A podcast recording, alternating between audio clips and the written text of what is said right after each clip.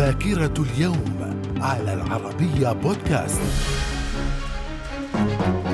أهلا بكم مستمعينا الأعزاء ومن ذاكرة الرابع من ديسمبر في العام 1110 الحملة الصليبية الأولى تحتل مدينة صيدا. في العام 1858 الإنجليز يخلعون بابر شاه الثاني آخر حكام بني تيمور في الهند عن عرشه وينفونه خارج البلاد. في العام 1918 الرئيس الأمريكي وودرو ويلسون يبحر إلى أوروبا لبدء محادثات محادثات السلام في مدينة فرساي بشأن الحرب العالمية الأولى. من الذاكرة. وفي الرابع من ديسمبر من العام 1954 محكمة الثورة بمصر تحكم على ستة من قيادات الإخوان المسلمين بالإعدام وعلى سبعة آخرين بالسجن المؤبد وذلك بتهمة محاولة اغتيال الرئيس جمال عبد الناصر فيما عرف باسم حادثة المنشية. في العام 1977 مظاهرات في منطقة الأندلس تطالب بحكم ذاتي موسع. أسفرت عن مقتل مانويل خوسيه غارثيا كاباروس. من الذاكرة. وفي الرابع من ديسمبر من العام 1983 الولايات المتحدة تقصف المواقع السورية في لبنان.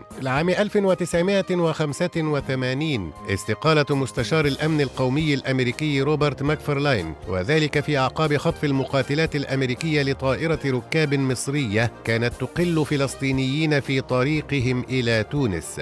في العام 1990 زعيم المتمردين في تشاد إدريس دبي يعلن نفسه رئيسا مؤقتا بعد إقالة الرئيس حسين حبري. من الذاكرة. في الرابع من ديسمبر من العام 1991 تحرير آخر رهينة أمريكي في لبنان تيري أندرسون بعد ست سنوات ونصف من خطفه بواسطة حزب الله. في العام 2014 مجلس النواب التونسي ينتخب محمد الناصر رئيسا للمجلس وعبد الفتاح مورو نائبا أول لرئيس المجلس. من الذاكرة. من مواليد الرابع من ديسمبر في العام 1889 عبد الحميد بن باديس مؤسس جمعية العلماء المسلمين الجزائريين. من الذاكرة. ومن وفيات الرابع من ديسمبر في العام 1131 عمر الخيام الفيلسوف وعالم الفلك والرياضيات والشاعر الفارسي. في العام 1679 توفي توماس هوبز فيلسوف